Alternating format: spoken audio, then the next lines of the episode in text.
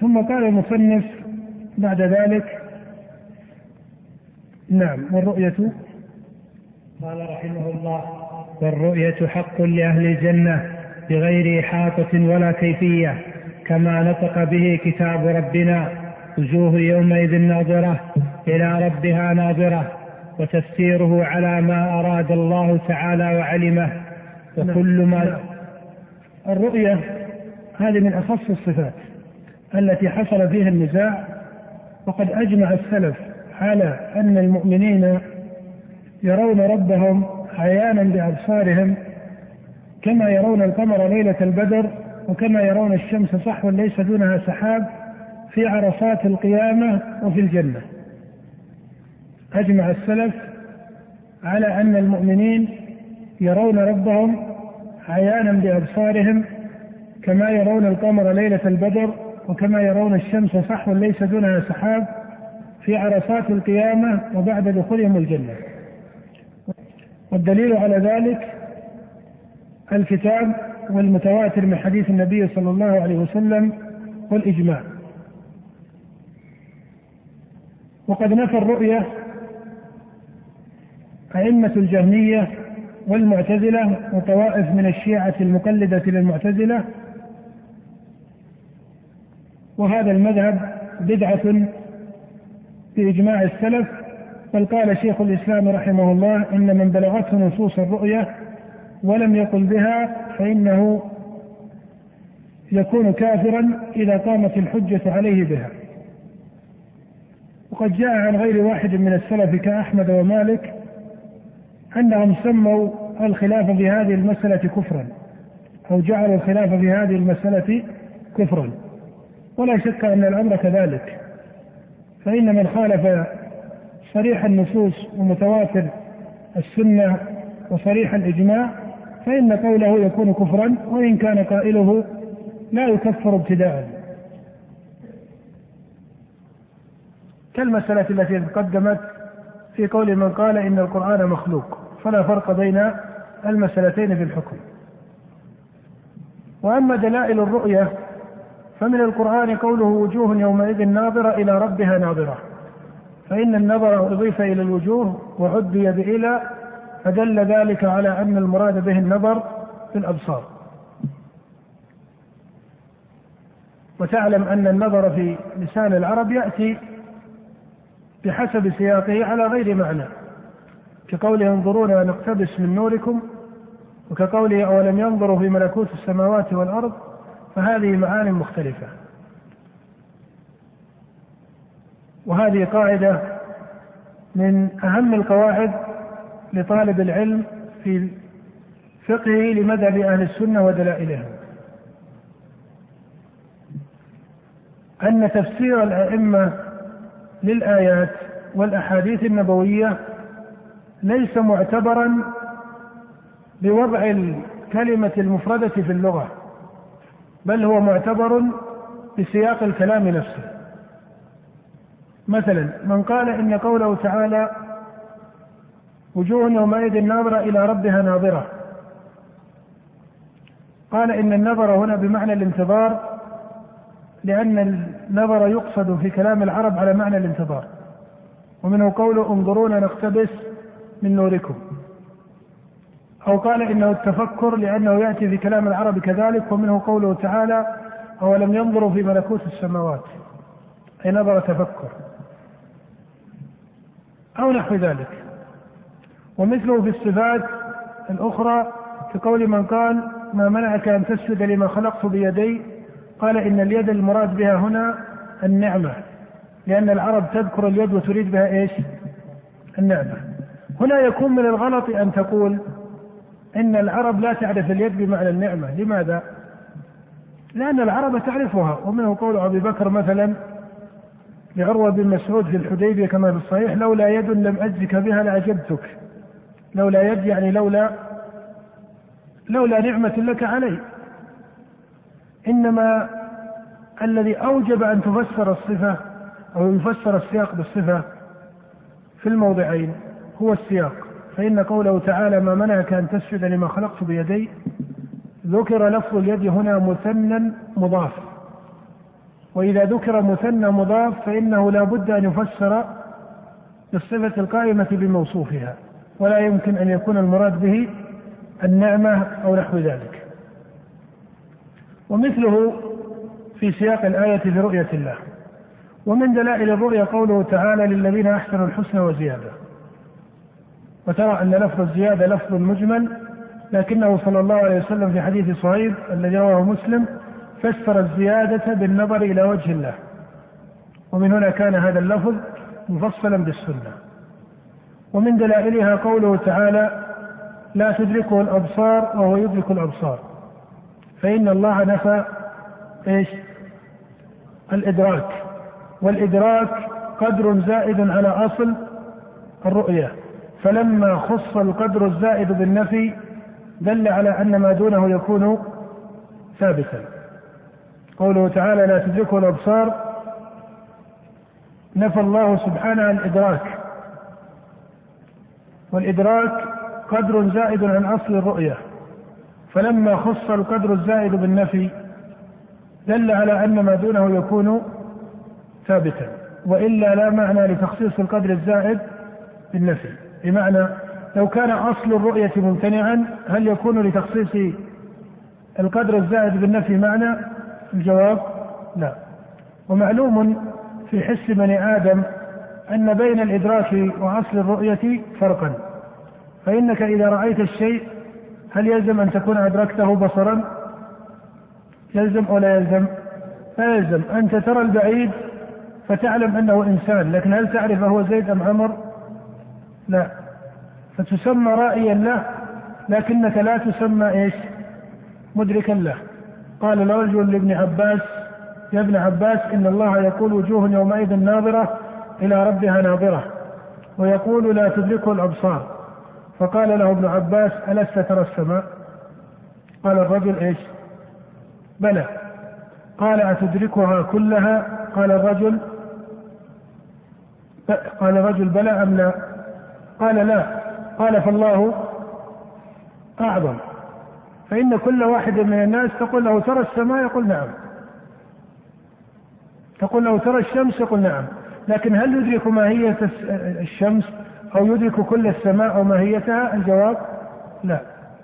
ولهذا أثبت الله لنفسه الرؤية وقال لا تدركه الأبصار.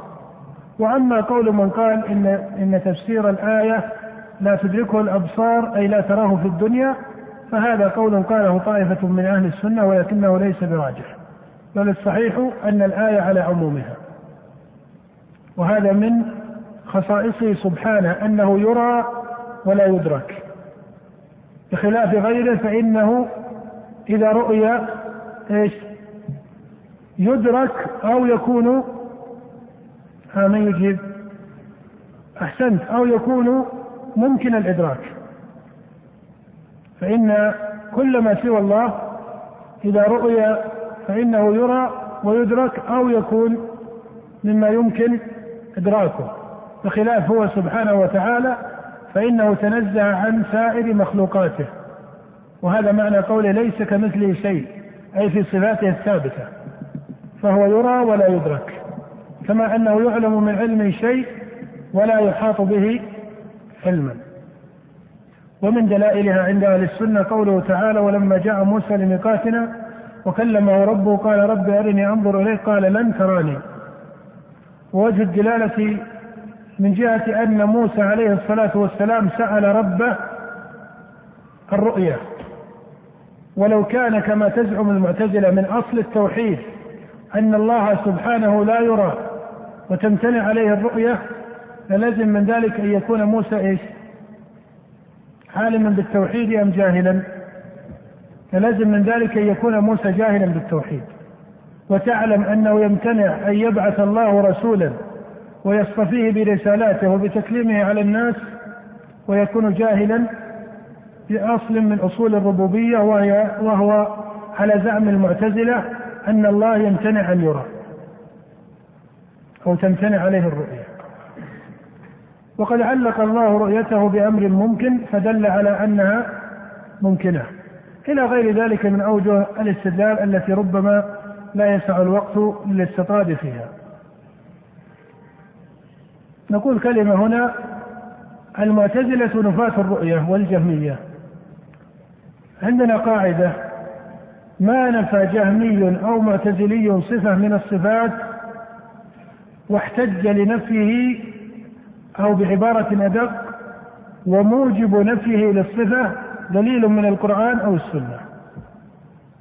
ما نفى جهمي أو معتزلي صفة من الصفات وموجب نفيه دليل من القرآن أو السنة. أي دليل مفصل من القرآن أو دليل مفصل من السنة. غاية ما يستدلون به ليس كمثله شيء وهذا دليل مجمل لا دلالة فيه. إنما فيه تنزيه الله سبحانه وتعالى عن غيره وهذا مما استقر عند سائر المسلمين. قد يقول قائل إن هذه القاعدة وهي قولنا إنه ما نفى جهمي أو معتزلي صفة فاحتج لنفي أو موجب نفيه نص مفصل. قد يقول قائل إن هذا يعارضه ما نراه في كتب المعتزلة أو ما يقع في كتب المعتزلة فإنهم ينفون الرؤية ويستدلون على نفيها بماذا؟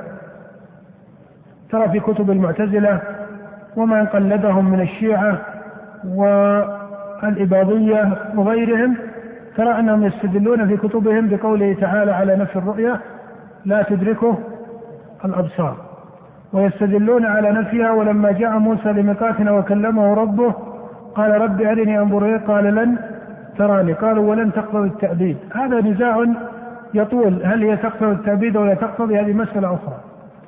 إنما المراد ذكره هنا أن القاعدة على حالها. ما الجواب؟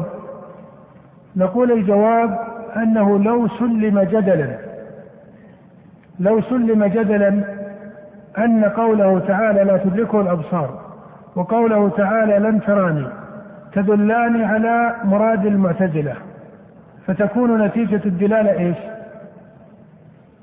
لو سلم جدلا أن استدلالهم صحيح تكون نتيجة الدليل إيش؟ نفي إيش؟ الرؤية تكون نتيجة الدليل لو سلم جدلا نفي الرؤية سؤال هل المعتزلة تنفي الرؤية فحسب؟ المعتزلة والجهمية تقول إن الرؤية ممتنعة. واضح؟ إن الرؤية ممتنعة. وتعلم أن المنفي قد يكون ممكنا وقد يكون ممتنعا. أن تقال لك هل لك ولد؟ ستقول لا. هل معنى أن الولد في حقك ممتنع؟ لا. إنما هو ممكن لكنه لم يوجد إلى الآن. فإذا الامتناع يستلزم النفي. والنفي هل يستلزم الامتناع؟ لا. بمعنى أن الامتناع أخص من مطلق النفي. فقد ينفى الشيء وهو ممكن وقد ينفى الشيء وهو ممتنع. فلو أن المعتزلة تقف عند الدليل الذي زعمت أنها تستدل به للزمهم أن يقولوا إيش؟ لو كانوا يقفون حقا على الاستدلال بالآيتين لقالوا إن الرؤية منفية ولكن لا نجزم بامتناعها أو لا نقول إنها ممتنعة.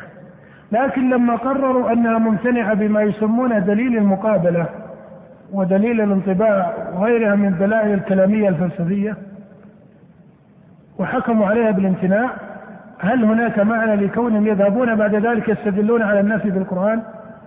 لا.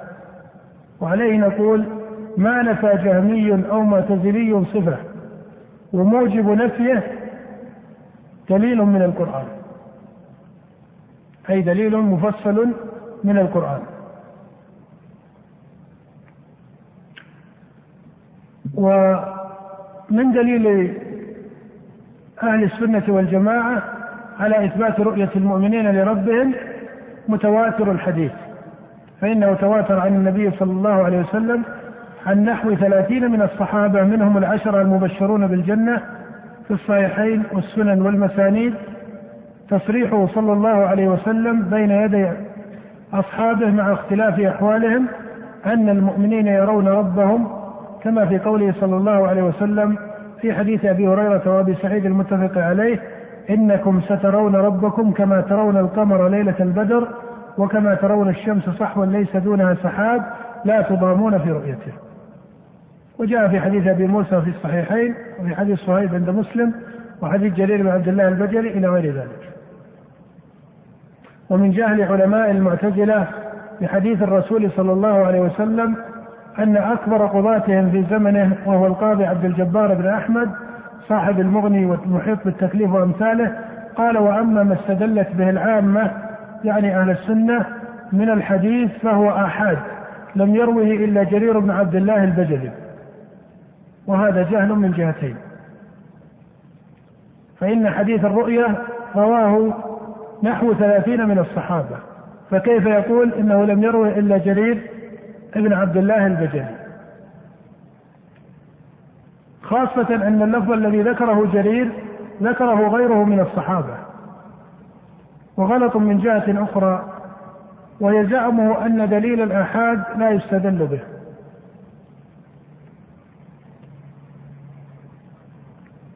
وهذا يقود إلى مسألة وهي ما شاع في كتب طائفة من الأصوليين وعلماء الكلام وبعض علماء المصطلح الذين قسموا السنة إلى آحاد ومتواتر. وهذا التقسيم من حيث هو اصطلاح لا إشكال فيه. وإنما الغلط هو حد من حد فقال إن المتواتر هو ما رواه جماعة عن جماعة يستحيل تواطؤهم على الكذب. وأسندوه إلى شيء محسوس. وجعلوا كل ما خالف المتواتر فإنه آحادا. ورتبوا على ذلك نتيجة أي رتب بعض المتكلمين من المعتزلة وطوائف من الأشاعرة على ذلك نتيجة أن الآحاد لا يحتج بها في إيش؟ في العقائد والأصول. نقول هذا الحد للمتواتر غلط على السنة لأنهم قالوا ما رواه جماعة عن جماعة ثم ذكروا خلافا في حد الجماعة والذي يستقر عليه كثير منهم هو العشرة أو ما يقاربهم فعلى طريقتهم لا يصير الحديث متواترا إلا إذا رواه عن الرسول عليه الصلاة والسلام من الصحابة كم؟ عشرة. ورواه عن العشرة من التابعين. لا ما يكفي عشرة. ينقلب إلى أحد. رواه عن كل صحابي عشرة. فيكون العدد في التابعين مئة. ورواه عن التابعين عن كل واحد من هؤلاء المئة عشرة. فيكون الراوي الثالث ألف. فيكون الراوي الثالث ألفا من الرواة. ومثل هذا لا ترى له مثالا في السنة.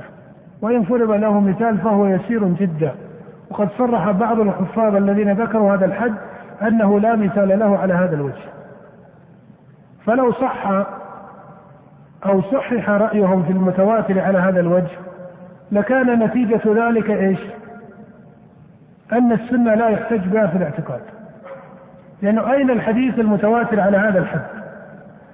وأما أن يقسم أو تقسم الرواية إلى متواتر وآحاد على حد يختلف عن ذلك فهذا لا بأس به. وقد ذكر الإمام الشافعي وطائفة من المتقدمين لفظ المتواتر في كلامهم لكنهم لم يريدوا بالمتواتر هذا الحد الذي زعمه المتكلمون. ودخل على طائفة من الأصوليين وعلماء المصطلح المتأخرين. ومذهب الأشاعرة في الرؤية ملفق من مذهب أهل السنة ومذهب المعتزلة فإنهم قالوا إن الله يرى بلا جهة. وهذا هو الذي تقلده المتأخرون من الأشاعرة لأنهم ينفون العلو وأرادوا بنفي الجهة نفي العلو. قد كان الأشعري وقدماء أصحابه يثبتون الرؤية إثباتا حسنا. وأما متأخروهم كأبي المعالي والرازي فقالوا يرى لا في جهة أي يرى مع نفي العلو. وهذا قول متناقض. وهذا قول متناقض. عبارة المصنف يعني أبا جعفر الطحاوي رحمه الله عليها بعض التقييد. نختم به هذا المجلس. قال والرؤية حق لأهل الجنة هم يرون ربهم أراد بأهل الجنة هنا المؤمنين وإلا فإنهم يرونه في الجنة ويرونه قبل ذلك في عرصات القيامة. فقوله لأهل الجنة يفسر بالمؤمنين فيكون مناسبا. قوله بغير إحاطة أي بغير إدراك على قوله تعالى لا تدركه الأبصار. وأما قوله ولا كيفية فهذه كلمة مجملة لو أنه لم يعبر بها لكان أجود. فإن النبي صلى الله عليه وسلم وصف الرؤيا فقال كما ترون القمر وكما ترون الشمس صحوا ليس دونها سحاب.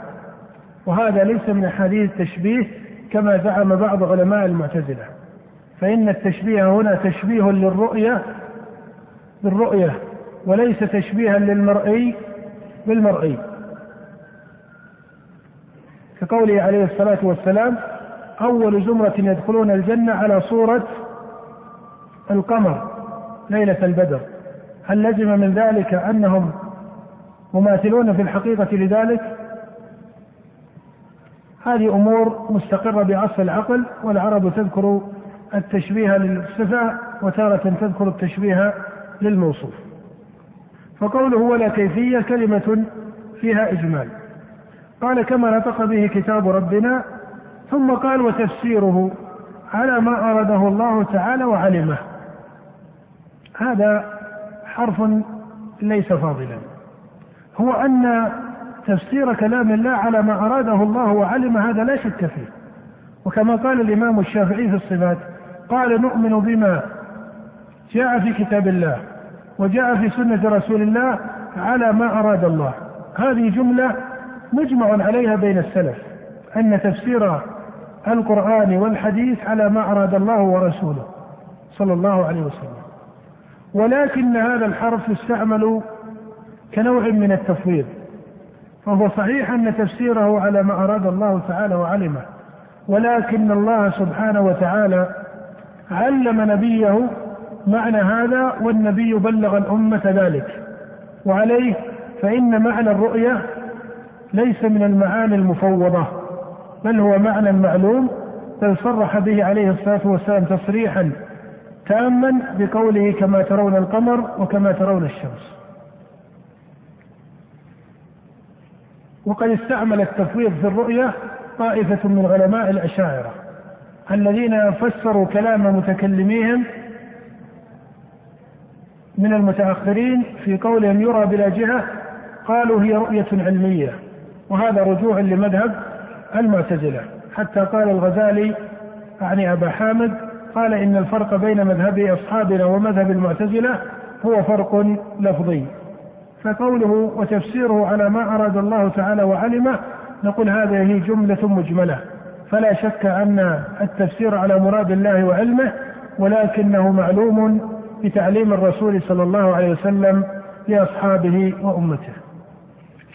ويذكر في كلام كثير من أهل العلم ولا سيما من المتأخرين تحت هذه المسألة مسألة رؤية النبي عليه الصلاة والسلام لربه ليلة المعراج. وهذه مسألة من حيث الابتداء يقال إنها ليست من المسائل الأصول. يقال إنها ليست من المسائل الأصول فليست من حيث القدر والشرف كمسألة رؤية المؤمنين لربهم. فإن هذه ثابتة بالكتاب ومتواتر الحديث والإجماع التام. أما رؤية النبي عليه الصلاة والسلام لربه ليلة المعراج فإن فيها طرفا من النزاع على طريقة جماهير الفقهاء والمتكلمين في هذه المسألة من أصحاب السنة والمتكلمين فإنهم يجعلونها من مسائل النزاع. وإنما الغلط الأخص في طريقة بعض المتأخرين من أهل العلم أنهم يجعلون القول بأن النبي صلى الله عليه وآله وسلم رأى ربه ليلة المعراج ببصره يجعلون هذا القول قول الأكثر من أهل السنة. وربما قال من قال منهم بأنه قول أكثر الصحابة ولم يخالف إلا عائشة وطائفة إلى غير ذلك من السياقات. فمن ساق المسألة على هذا الوجه فلا شك أنه قد غلط أي من جعل القول بأن النبي رأى ربه ببصره ليلة المعراج هو قول الأكثر من أهل السنة أو قول أكثر الصحابة فقد غلط غلطا بينا. فإن هذا القول أعني قول من قول من يقول بأن النبي صلى الله عليه وسلم رأى ربه ببصره ليلة المعراج لم يصح عن واحد من الصحابة. وإنما الذي صح عن جماعة من الصحابة هو أن النبي صلى الله عليه وسلم رأى ربه بفؤاده. وهذا قاله ابن عباس وطائفة من الصحابة كما خرج عن ابن عباس الصحيح. وإن كان استدلال ابن عباس رضي الله تعالى عنه أو وإن كان ما يستدل به ابن عباس في هذه المسألة بعضه مما يصحح وبعضه مما يخالف فيه فإنه فسر بعض الآيات برؤية النبي صلى الله عليه وسلم لربه بفؤاده في حين أن عائشة روت مرفوعا إلى النبي صلى الله عليه وسلم أن المراد جبريل. وعليه فقول ابن عباس وإن كان يصحح عند جماهير أئمة السنة والحديث من حيث هو وإن كان قد يخالف في بعض استدلاله لأن بعض الآيات التي استدل بها ابن عباس فسرها النبي صلى الله عليه وسلم كما روت عائشة في الصحيح برؤية جبريل. فهذا القول يعني القول المأثور عن ابن عباس هو القول الشائع عند طائفة من السلف. وقد كان الإمام أحمد وجماعة من أئمة السنة والحديث يقولون هذا القول. يقولون إن النبي رأى ربه بفؤاده وتارة يقولون إنه رآه وأثر ذلك عن ابن عباس.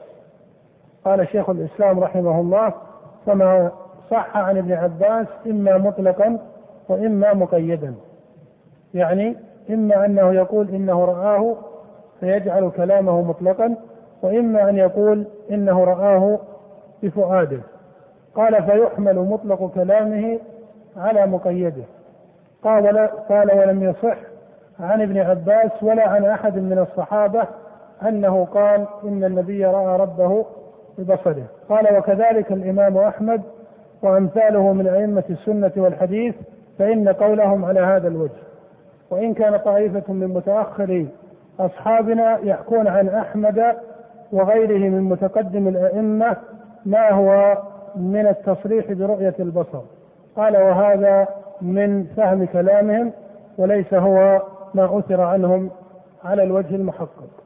فهذا هو الغلط الذي وقع فيه طائفة من المتأخرين حيث أضافوا القول برؤية البصر إلى جملة من الصحابة وربما قال بعضهم إنه قول أكثر الصحابة أو جعله طائفة هو قول أكثر أهل السنة فإن الأمر ليس كذلك. وإن كان الأكثر من أهل السنة يطلقون أو يقيدون بالفؤاد رؤية النبي صلى الله عليه وسلم لربه. ولهذا قال شيخ الإسلام ومن المتحقق أن أكثر أهل السنة والحديث يقولون بقول ابن عباس وأمثاله من الصحابة. وهو القول المطلق أو القول المقيد برؤية الفؤاد. وإذا كان مطلقا حمل على المقيد. وعليه تكون النتيجة أنه لم يصح عن صحابي من الصحابة أنه صرح بأن النبي رأى ربه ببصره. وعليه فيكون هذا القول كأنه محدث وإن كان الجزم بهذا قد يكون فيه بعض التردد. فعليه يكون القول بهذا القول أي أن النبي رأى ربه ببصره يكون قولا كأنه محدث وإن كان الجزم بذلك قد يكون فيه بعض التردد. وإلا فقد حكى الدارمي رحمه الله وهو من متقدم المحققين من أئمة السنة إجماع الصحابة على أن النبي لم يرى ربه ببصره. وهذا الإجماع الذي حكاه الدارمي ليس هناك من الآثار المروية عن الصحابة ما يعارضه. ومع ذلك فيبقى أن المسألة لا تعد في الأصول. وإلا كما أسلفت فإن ظاهر الدلائل الشرعية هو على هذا الوجه. فهو كما يرى الدارمي من وهو من المتقدمين يرى أنه إجماع للصحابة. وقد صح عن عائشة كما في الصحيحين أنها قالت لمسروق ومن حدثك أن محمدا رأى ربه فقد كذب. ولم يحفظ عن أحد من الصحابة أنه نازع عائشة رضي الله تعالى عنها في ذلك. وإذا اعتبر الاستدلال بغير دليل الإجماع فإن ظاهر القرآن وظاهر السنة أو كأنه يقال صريح السنة تدل على نفي رؤية النبي لربه ببصره. وإلا فإن القرآن ليس فيه ما هو صريح على هذه المسألة من جهة النفي. وأما جهة الإثبات فيعلم تعذرها. وإنما قيل إن ظاهر القرآن يدل على أن النبي لم يرى ربه ببصره لأن الله لما ذكر معراج نبيه صلى الله عليه وآله وسلم قال سبحان الذي أسرى بعبده ليلا من المسجد الحرام إلى المسجد الأقصى الذي باركنا حوله لنريه من آياتنا. وقال سبحانه لقد رأى من آيات ربه الكبرى. فترى أنه في الموضعين ذكر امتنانه سبحانه وتعالى على نبيه برؤية الآيات. ولو كان النبي صلى الله عليه وآله وسلم رأى ربه في معراجه ببصره لكان الإشادة والامتنان بذكر رؤيته لربه أظهر وأولى من الإشادة والامتنان بذكر رؤية الآيات. واضح الاستدلال أو ليس واضحا؟ يقال إن الله لما ذكر معراج نبيه أو مسراه الذي عقبه المعراج إلى السماء قال لنريه من آياتنا وقال في السياق الآخر لقد رأى من آيات ربه الكبرى. فلو كان النبي عليه الصلاة والسلام رأى ربه ببصره لكان الامتنان والإشادة بذكر رؤيته لربه أظهر وأولى من الإشادة بذكر رؤية الآيات. فلما ذكرت الآيات وحدها دل على أنه لم يرى ما فوق ذلك وهو رؤيته لربه سبحانه وتعالى. وعن هذا قيل إن ظاهر القرآن يدل على أن النبي لم يرى ربه ببصره. وأما السنة فقد ثبت في صحيح مسلم وغيره من حديث عبد الله بن شقيق أنه قال لأبي ذر لو رأيت رسول الله صلى الله عليه وسلم لسألته. فقال له أبو ذر عما كنت تسأل؟ فقال أسأله هل رأيت ربك؟ فقال أبو ذر أنا إني سألت رسول الله صلى الله عليه وسلم فقال رأيت نورا. وفي الوجه الآخر من حديث عبد الله بن شقيق نفسه عن أبي ذر أن النبي صلى الله عليه وسلم لما سأله أبا ذر قال نور أن أراه. وقد كان الإمام أحمد وبعض متقدمي أئمة الحديث يتأخرون عن تصحيح هذا الوجه من الرواية. فإن صح هذا فالمعتبر وجه واحد وإن استقام ما ذهب إليه الإمام مسلم ومن اعتبر رأيه في هذا فإن كلا الوجهين يكون صحيحا ولا يكون هناك تعارض. والحق أن جهة التعارض ليست هي الموجبة للتردد في صحة كلا الوجهين وإنما الموجب لذلك أن وجه الرواية من حيث السؤال واحد فإما أن يكون النبي أجاب بهذا أو أجاب بهذا. وإن كان فرض الجمع بين الجوابين هو ممكن وليس متعذرا. فقوله رأيت نورا ليس مخالفا من حيث المعنى لقوله نور أن أراه أي أن النور حال دون رؤيته. وهذا النور الذي رآه صلى الله عليه وآله وسلم كأنه والله أعلم هو نور الحجاب فإنه ثبت في صحيح مسلم من حديث أبي موسى أن النبي صلى الله عليه وآله وسلم قال إن الله لا ينام ولا ينبغي له أن ينام يخفض القسط ويرفعه يرفع إليه عمل الليل قبل عمل النهار وعمل النهار قبل عمل الليل حجابه النور. لو كشفه لأحرق سبحات وجهه ما انتهى إليه بصره من خلقه. فهذا هو محصل هذه المسألة. وعليه فإن المستقر عند متقدم السلف من الصحابة ومن بعدهم أن يقال إن النبي رأى ربه بفؤاده ولا يصرح برؤية البصر. المسألة الثالثة من مسائل الرؤية وهي دون المسألة الثانية وهي رؤية الكفار والمنافقين لربهم في عرصات القيامة. وهذه مسألة نزاع بين أهل السنة المتأخرين وغيرهم. قال شيخ الإسلام ولم يحفظ للصحابة فيها قول بين قال شيخ الإسلام ولم يحفظ للصحابة فيها قول بين والأقوال التي يذكرها أصحاب السنة والجماعة هي ثلاثة أقوال. وبعضهم يزيد فيها إلى أربعة وبعضهم يجعلها خمسة. القول الأول أنه لا يراه في عرصات القيامة سائر أجناس الكفار سواء كانوا من المشركين أو من أهل الكتاب أو من المنافقين. وعليه فلا يراه في عرصات القيامة إلا أهل الإيمان. القول الثاني أنه يراه سائر الكفار من أهل الكتاب وأهل الشرك وأهل النفاق ثم يحتجب عنهم.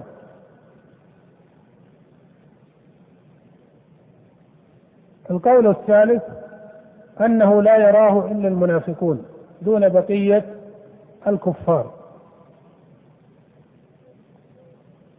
القول الأول أنه لا يراه أحد من الكفار قاطبة. القول الثاني أنه يراه سائر الكفار ثم يحتجب عنهم.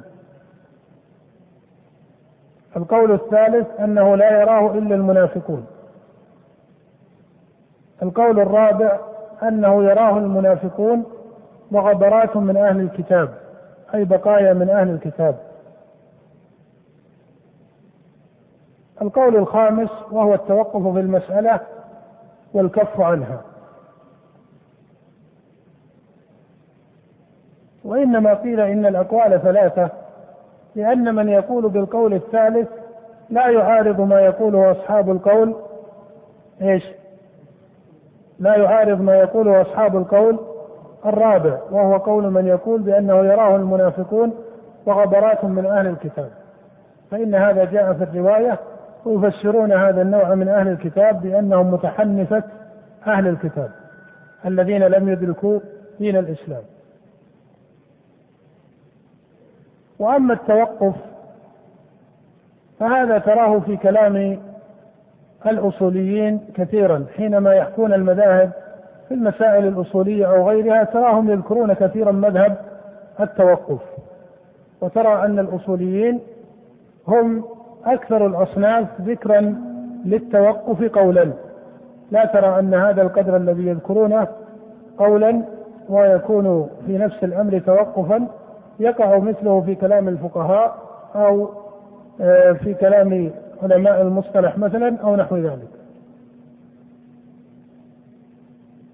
وهذا يجر إلى مسألة وهي هل التوقف يعد قولا أو ليس قولا؟